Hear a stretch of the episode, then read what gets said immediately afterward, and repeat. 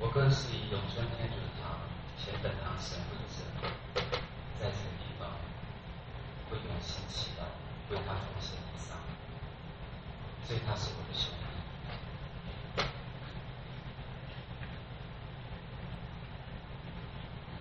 永兴他最专长的是伦理事务学，伦理就是人与人之间的关系，人与天主的关系。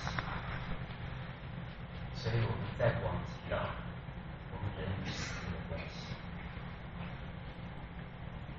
而保禄在跟我们讲说，是什么事情可以使我们与耶稣的爱相隔绝？没有任何人，没有任何事，甚至于死亡。所以我们是在与主的爱内那一份关系当中，而那一份关系永远存在，只要主永远存在。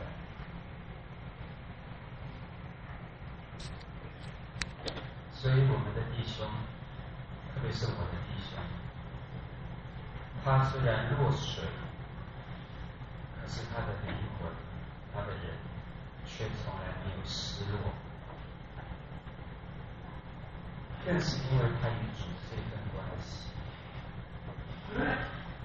今天他在主的怀抱里头，他把我们每一个人的心也一起拉进了主的怀抱，使得我们真正知道，我们是在主内那份爱的关系。永远不会失落。所以今天我们看起来是送他一程，可是他不是一个人往前走，而是我们所有的人跟他在一起，要走向天国，在那一份天主爱的关系当中，也在天主的怀抱当中。所以今天我们有这么多的人。一起来这个地方，我们的确是在天主之爱主内的一家人。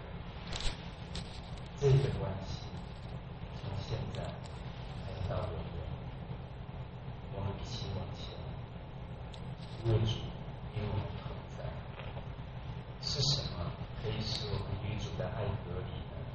没有，主把我们每一个人都包在他的怀抱，祈求天主从。过去照顾了我们，今天还会跟我们一起，我们在主。